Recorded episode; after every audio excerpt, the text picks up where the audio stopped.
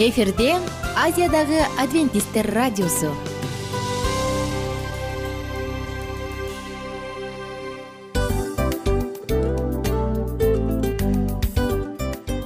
Достор салют. Баардык сүйүктүү угармандарыбызга салам айтабыз. Кутман күнүңүздөр менен. Ден соолук өмүрдүн булагы демекчи саламат саамы программасында баарыңыздарды көргөнүбүзгө абдан кубанычтабыз. Анда алгач амандашып өтөлү арбаңыздар деп. Ден соолугуңуздар кандай элибизде көбүнчө ден соолук кандай дегенде эле жакшы деп жооп беребиз э? ооруп турсак дагы жакшы дейбиз. Анан мен муну айтып ойлойт элем бул абдан сонун сөз депчи анткени бул жакшы деген үмүт да э ооба баары жакшы болот баары сонун. Деп үмүттөнүп атып эле өзүбүздү өзүбүз дарылап коебуз. Анысы кандай? Сиздин дагы ден соолугуңуз жакшы беш деген үмүттөбүз чындыгында ден соолук бул өмүрдүн булагы деп бекеринен айтылган эмес деп ойлойм. Кыргыз элинде анткени эгерде ден соолук жок болсо анда адамдын жашоосунда калган баардык керектүү маңыздуу нерселер өзүнүн баалуулугун жоготуп коет. Ошондуктан ден соолук бул эң керектүү нерсе. Ооба туура айтасың кесиптешим. Чынында ден соолугуң жок бир эки үч күн ооруп калсаң эле э кандай болуп калат? Жашоодо көз каранды болуп каласың көп нерсеге жетишпей каласың көп нерсени кыла албай каласың жада калса эчке дүкөнгө да чыга албай каласың. Туптуура анан ден соолук болсо демек биз биздин бактыбыз тотой деп койсок болот. Анда достор саламат рубрикабызды баштайлы алдыда өзүңүзгө керектүү болгон сонун кеңештерди уга аласыздар. Мына ошондуктан биз менен бирге болуңуздар. Ал эми биз болсо милан жана айнура. Кеттик алга. Алга саламат саама ден соолуктун жарчысы. Саламат саама ден соолуктун ачкычы. Күн сайын сиз үчүн мыкты кеңештер сонун жаңылыктар кызыктуу фактылар. Биздин рубрикада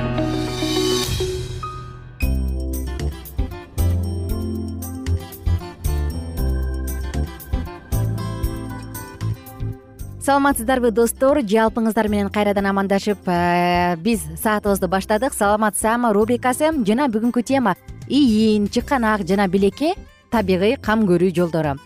Достор чындыгында баарында дайыма айтат эмеспизби? Баардык нерсе колубузда деп. А бирок дал ушул баардык нерсени кармай турган колубуз ооруп турсачы анда өзүбүзгө жардам бере алабызбы? Чынын айтканда баягы ийинден чыканакка чейинки оору бул өтө эле жагымсыз симптом кошулат болушуңуз керек э эгерде сизде ийинден чыканакка чейинки аралык ооруй турган болсо демек олуттуу бир көйгөй тууралуу кабарлап жаткан жагы. Мына ошондуктан өзүңүздүн ден соолугуңузга алдын ала кам көрүп алдын ала баардык нерсени алдын алып жана оорубай сак туура жакшы туура сергек жашоо образы менен жашаганга чакырабыз. Бүгүнкү уктуруубузда дагы саламаттуу дене циклиндеги дагы бир сонун программаны жалпыңыздарга айтабыз. Эгерде достор сиздин ийниңизден чыканагыңызга чейин улам улам тез тез ооруй турган болсо демек бул физикалык чарчоодон кабар берет. Травма жаракат алгандан же болбосо олуттуу бир оорудан улам симптоматика катары кабар берип турат. Демек достор абайлаңыз. Жаракат жөнүндө айтсак бул механикалык жаракат э? Сөөктөр жаракат алат. Сустав муун же болбосо тери. Мунун натыйжасында бул эмненин натыйжасынан келиши мүмкүн? Отко күйүүдөн кандайдыр бир ысык нерсеге күйүүдөн же химиялык таасирден улам мындай учурда оору интенсивдүү мүнөзгө ээ. Кээде ал мынтип тим эле чукуп ооруйт кээде болсо тез тезден ооруйт. Андан сырткары сиз жаракат алсаңыз терилердин алдындагы гематома дагы андан кабар берип турат. Көгөрүп калат. Демек бул сиз механикалык жаракат алган жагыңыз. А эгерде достор сөөк бузулуп же болбосо мындай сырткы жагынан караганда эч нерсе болбосо бирок кол дайыма ооруй турган болсо демек бул механикалык эмес демек бул олуттуу оорудан кабар берет. Демек достор оорулар оорулар деп атпайбызбы жанатан бери кол оорусу жалпысынан алганда эгер ийинден манжанын башына чейин алсак а тагыраагы бүгүн ийин далы жана билек жөнүндө сөз кылып атабыз.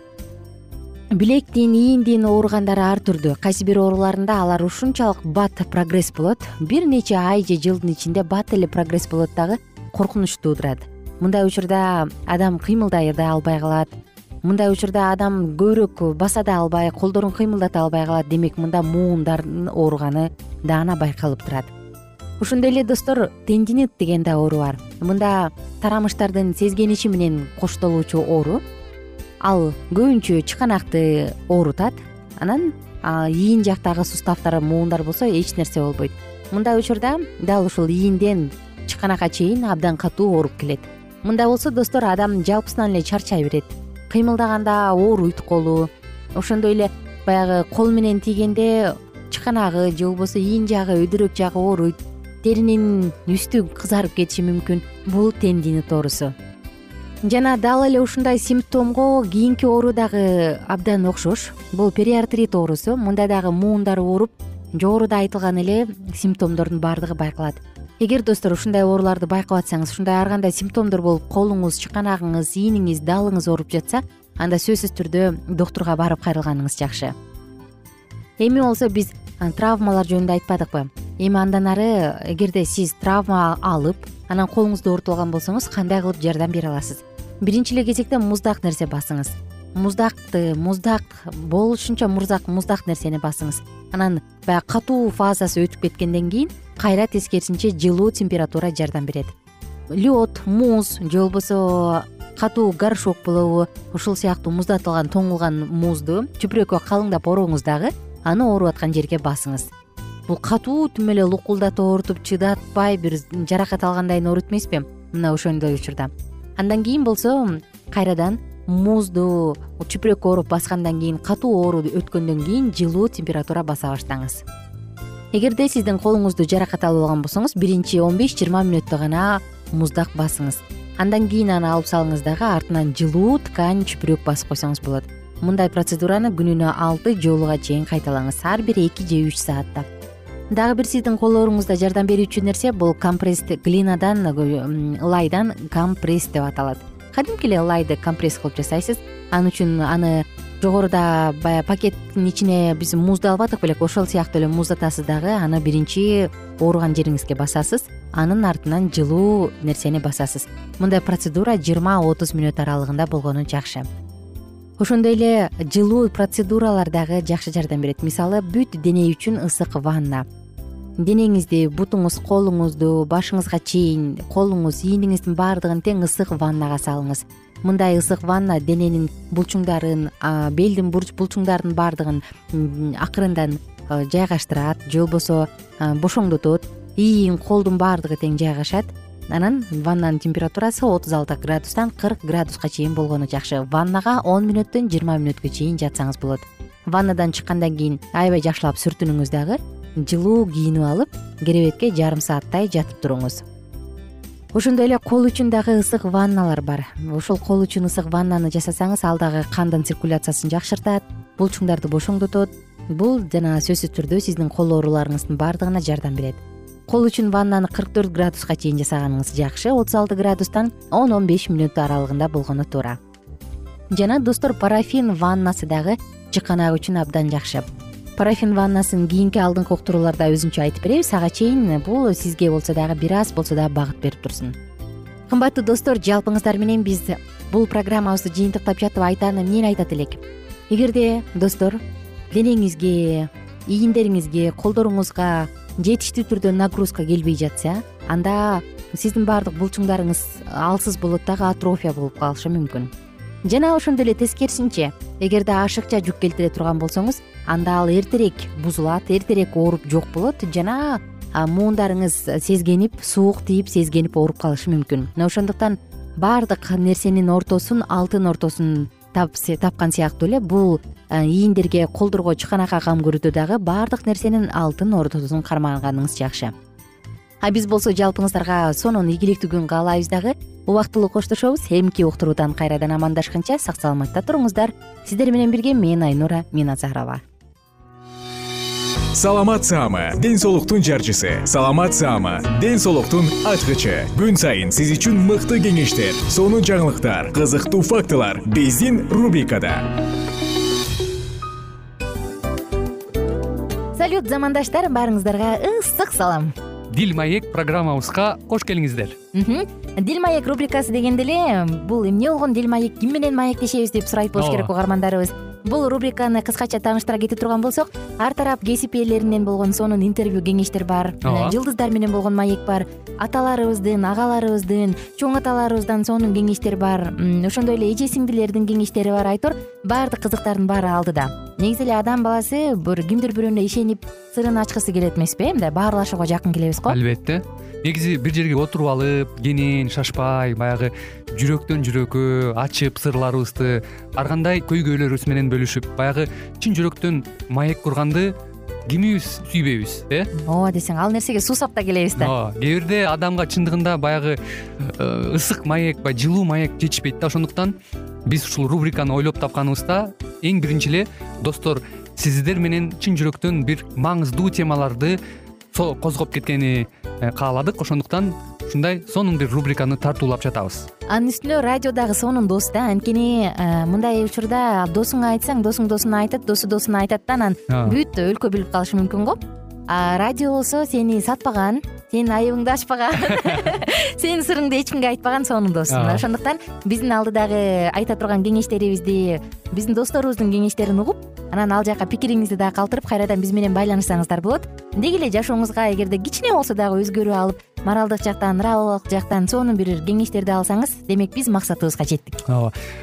Чыңгыз атабыз улуу жазуучу э, чыңгыз айтматов айткандай адам болуу бул күнүмдүк процесс экен. Күн сайын адам бойдон калуу бул адамзатка эң эле кыйын дейт э? э эң кыйын дейт. Чындыгында бунун э, негизинде адамдын эң баягы сапаттуулугу адамдын э, адамгерчилиги жана көптөгөн керектүү нерселер.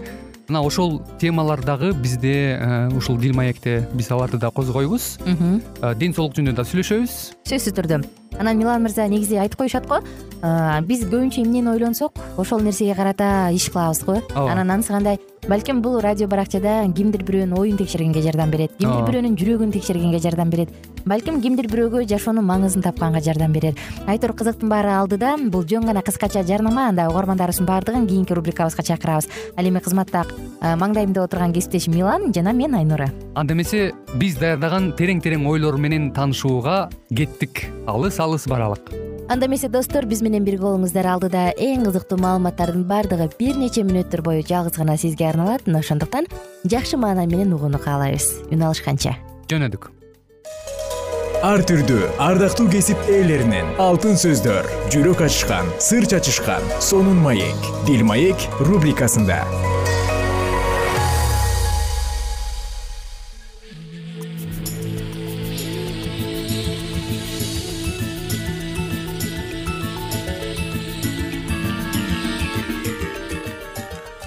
кутмандуу күнүңүздөр менен кымбаттуу радио угармандарыбыз кайрадан эле сиздердин назарыңыздарда. Бүгүнкү программабыздын чыгарылышында кайрадан эле биз сиздер менен дал ушул үй бүлөдөгү чыныгы бакытты сакташ үчүн айымдарга карата айтылган бир нече кеңештер туурасында маегибизди улантабыз. Андыктан бүгүнкү берүүбүздө биздин ободон алыстабай дал ушул мүнөттөрдө биз менен биргеликте болуңуздар. Кайрадан эле кызматыңыздарда аты жөнүм мен улан жана ошондой эле кесиптешим жана мен асель саламатсыңарбы?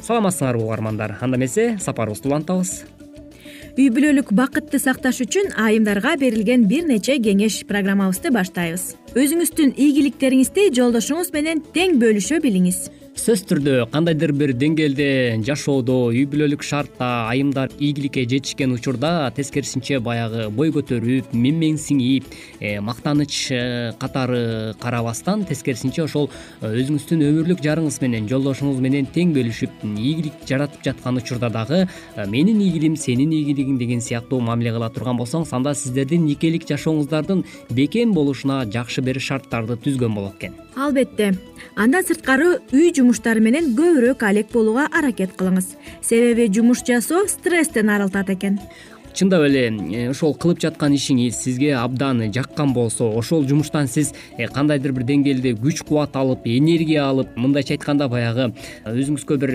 жакшы стимул болуп аткан болсо анда демек кандайдыр бир жашоодогу кыйынчылыктарга дуушар болгондо жогоруда кесиптешим айткандай эле ушул стресстерге кабылган убакытта эгерде ал кылып аткан ишиңизден сиз толугу менен ырахат алып аткан болсоңуз анда бул дагы ошол жумушуңуз аркылуу дагы сизди стресстен э, башкача айтканда ошол депрессияга түшүп кеткен абалдан чыгарганга дагы абдан бир мыкты жардамчы болуп бере алат экен. Андыктан бул нерсени дагы эске алып койсоңуз ашыктык кылбайт экен. Демек демек ар бир эле кесип ардактуу демекчи э, сиз ушул кылып аткан ишиңизден толук ырахат алып жаткан болсоңуз анда бул дагы өзүнүн жакшы бир натыйжасын берет экен. Андан тышкары жашоодогу кайгылуу окуяларды эстебей тескерисинче кубанычтуу маанайды көтөрө турган учурларды эстеңиз сөзсүз түрдө жашоону артка кылчайып бир карап э, баягы сиз ушул өзүңүздүн өмүрлүк жарыңыз менен нике курганга чейин кыз жигит болуп жүргөн учурда кандай бир жакшы күндөрдү өткөрдүңүздөр эле. Э, башкача айтканда ошол э, кандай бир кызыктуу окуялар болду жашооңузда турмуш кургандан кийин. Ошол нерселерге көбүрөөк кылчайып карап арттагы өтүп кеткен жакшы кызыктуу күндөрдү дагы эске сала турган болсоңуз бул дагы сизди ошол жашоодогу ар кандай кыйынчылыктарды жеңе билген Э, өтө бир жакшы бир жардамын тийгизген болот экен. Андыктан бул ыкмаларды колдонуу аркылуу дагы сиз жогоруда кесиптешим айтып өткөн э, стресстик абалдардан чыкканга дагы жакшы бир жардамчы болуп бере алат экен. Түгөйүңүздүн жумушун түшүнүүгө аракет кылыңыз. Жумуштан кеч келсе ачууланбай тосуп алып алыскы иш сапарына кетип баратса жакшы маанайда узатыңыз. Келгенде жакшы жаңылыктардан сөз баштаңыз. Сиздин аябай күткөнүңүздү сагынганыңызды сезсин мына ушундай мүнөздөрдү э, ишке ашыруу менен биргеликте сиз дагы өзүңүздүн өмүрлүк жарыңызга карата болгон анын дагы сизге карата болгон мамилесинде бири бириңиздерге карата чоң ишеничти пайда кылганга дагы жакшы бир өбөлгө түзгөн болот экенсиз. Романтика үчүн убакыт табыңыздар. Чогуу сейилдеп жаратылыш койнунда чогуу эс алыңыз. Мындай аракеттер чыңалуудан арылтат албетте баягы күнүмдүк эле турмуштагы э, иш чаралар менен алек болуп алпурушуп күйпөлөктөп эле баягы түйшүк тарта бербестен тескерисинче жубайлар бул жаатта дагы өзлөрү менен өзлөрү убакыт өткөргөнгө бири бири менен ушул чогуу сейилдөө дагы бул абдан бир жакшы ыкма болуп саналат экен. Андыктан э, сөзсүз түрдө бир айда бир эки жолу болобу үч жолу болобу убакыт бөлүп коюп атайын. Э, кинотеатрларга барып спектакльдерге катышып болобу же спорттук көнүгүүлөр чогуу кыласыздарбы? Ушундай ыкмаларды колдонуу аркылуу сиз дагы өзүңүздүн жашооңузду кандайдыр бир деңгээлде э, жеңилдеткенге чоң салым кошкон болот экенсиздер. Андыктан ардактуу айымдар жана мырзалар бул нерселерди сөзсүз түрдө жашооңузда колдоно билген болсоңуз анда сиз бактылуу никенин даамын татып жатканыңызды билгизет кээ бир үй бүлөлөр мисалы бизде акча жок эч жака бара албайбыз дегендин ордуна мисалга жөн эле дүкөн кыдырып келсеңиз дагы бул эң жакшы терапия болуп эсептелет экен айымдар үчүн. Сөзсүз түрдө ошол эле учурда мүмкүн э, сейил бактарга бирге басып чогуу сейилдеп жөн эле ошол учурда арзан эле мисалы семечка сатып алып деле кесиптеш семечканы бирге чагып ошол эле учурда өткөн кеткендерди эстеп э, чогуу бири бириңиздер менен баарлаша турган болсоңуздар бул дагы абдан бир жакшы ыкма болуп саналат экен. Андыктан бул нерселерди колдонуу аркылуу сиз дагы жашооңузга жакшы бир э, эрежелерди киргизген болот экенсиз.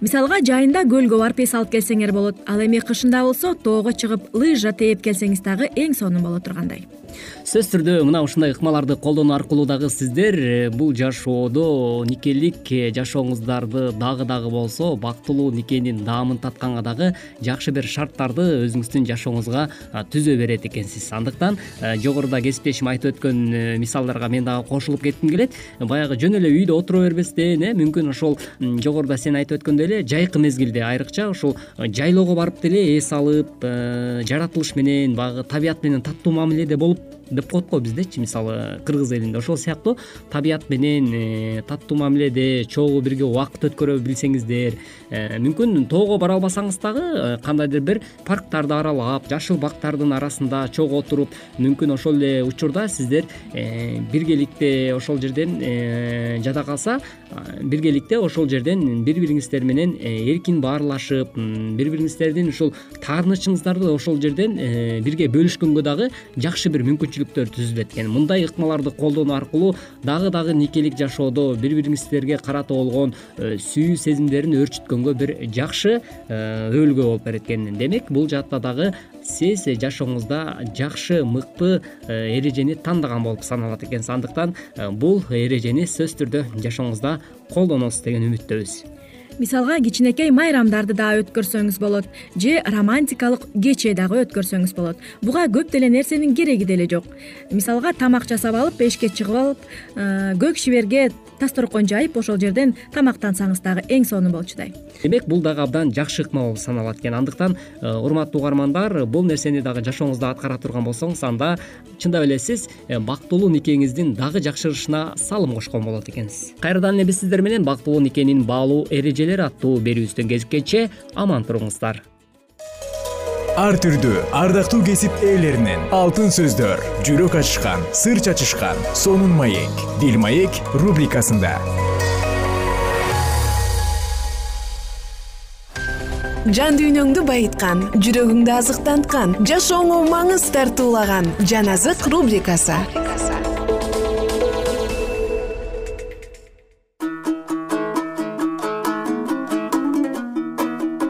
кутмандуу күнүңүздөр менен достор. Кайрадан жалпыңыздар менен амандашып жан азык рубрикасын бирге баштайбыз. Бүгүнкү уктуруубузда дагы сиздер менен бирге куткарылуу тарыхы деп аталган сонун китепти улантабыз. Биз менен бирге болуңуздар. Кызыктын баардыгы алдыда.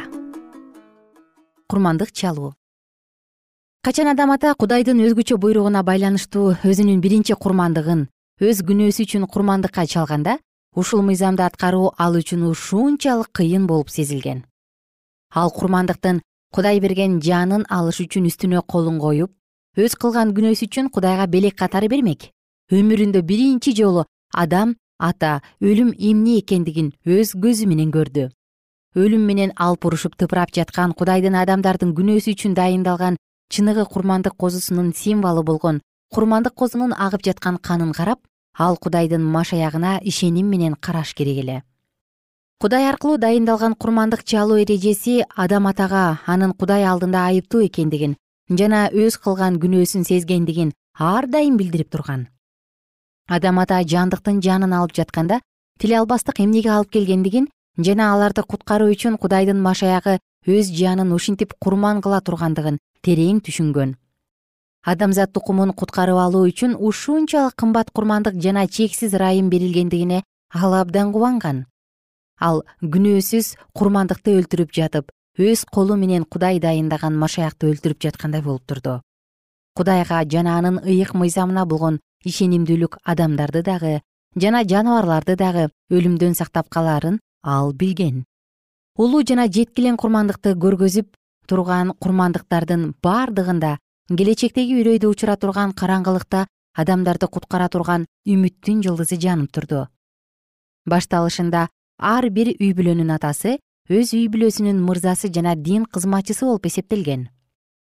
Кийинчерээк адамдардын саны жер үстүндө көбөйө баштаганда кудайга курмандык алып келүү салтанаттуу кызматын атайын дайындалган адамдар аткара башташты. Жаныбарлардын каны адамдардын аң сезиминде.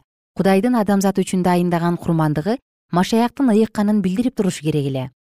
Курмандыктын өлүмү бардык адамдарга күнөө үчүн жаза өлүм экендигин күбөлөндүргөн кудайга курмандык чалып жатканда күнөөкөр өз айыбын сезип өз оюнда курмандыкка чалынып жаткан жаныбарлар көргөзүп турган чыныгы кудай тандаган курмандыкка ишенген. Кудай дайындаган улуу курмандыктын өлүмү менен келишим түзүлбөй турган болсо кудай адамдарга ак батасын бере алмак эмес. Кудай өз мыйзамынын тазалыгын сактаган. Бул мыйзамдын бузулушу кудай менен адамдардын ортосундагы байланыштын бөлүнүп калынышынын себеби болду адам ата күнөөсүз жашоосунда өз жаратуучусу менен тоскоолдук жок эркин сүйлөшө бермек. Бирок адамдардын күнөөгө баткан мезгилинен тартып кудай адамдар менен бир гана ыйса машаяк жана асман периштелери аркылуу сүйлөшүп калган. Бешинчи бап бошотуу.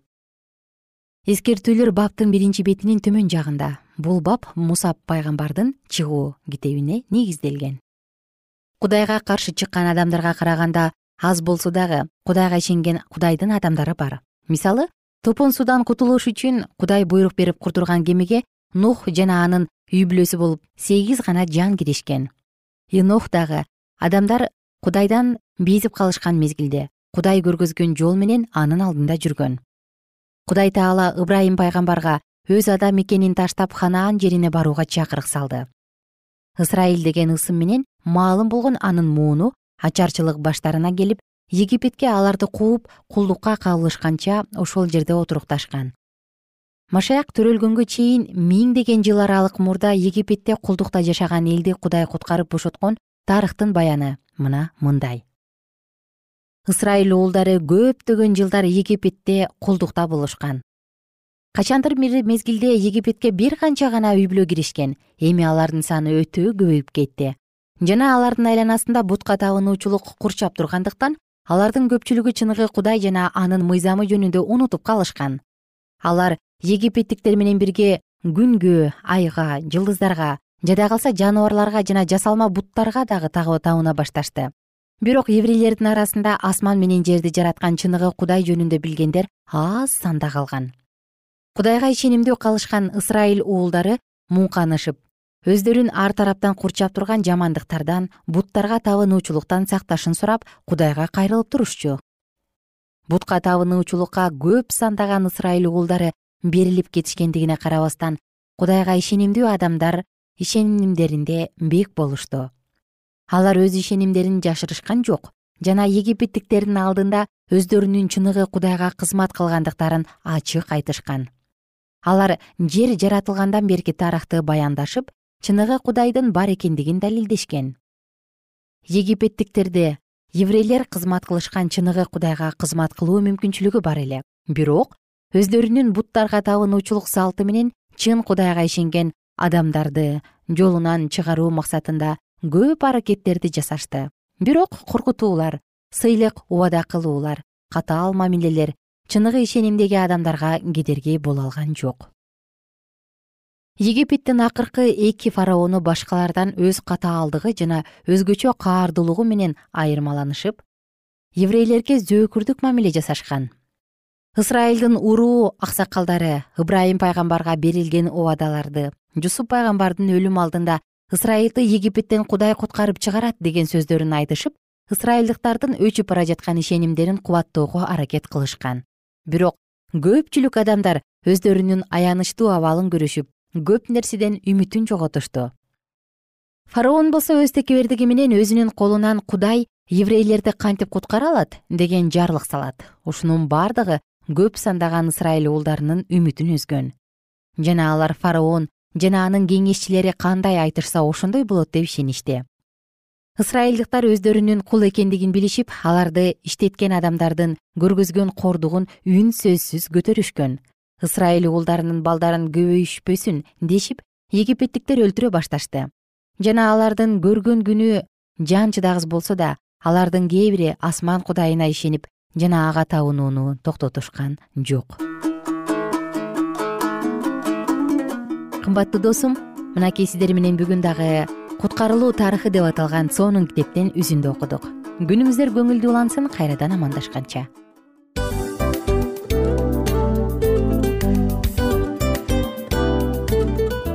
достор биздин радио баракчаларыбыз соңуна келди. Демек бул программабызды дагы жыйынтыктачу учур келдик. Учурга келдик. Анан кесиптешимден сурагым келип турат. Негизи эле иштин башталып атканы кубандырабы сени же жыйынтыгы кубандырабы? Албетте жыйынтыгы. Себеп дегенде сен кылган ишиңдин жыйынтыгын көрүп э, баягы мөмөсүн көрүп дегендей жыргайсың. Жүрөгүң жемишинен татып э кандай даамдуу деп. Баягы буудай сепкенде эмес буудайдын эгинди жыйнагандан кийин ысык нанды жегенде кадимкидей ырахаттанасың го. Ой айтпа туура айта кеттиңиз. Сонун салыштыруу болду анан мен дагы абдан кубанып турам анткени биз угармандарыбыз үчүн аябай эмгектенип келген уктуруубуздун соңуна келип калдык. Анан эми э, уктуруубуздун соңунда угармандар кандай пайда алып калды экен деп күтүп турам да. Балким э, менин жашоомо өзгөрүү киргизе турган сонун сөздөр болду. Мен ушул нерсени изилдеп анан кабыл албасам ушул нерсени кылбасам деген чечим чыгарсаңыз анда биз абдан кубанычтабыз. Сөзсүз түрдө. Андыктан кийинки биздин кызыктуу уктурууларыбыздан көрүшкөнчө сак саламатта калыңыздар. Чыдамсыздык менен сиздерди мен милан жана кесиптешим айнура күтөбүз баардык угармандарыбызга ийгиликтүү күн каалайбыз. Качан гана болбосун уртуңуздан жылмаюу кетпесин үйүңүздө көмүр жүрөгүңүздө көңүл болсун дейли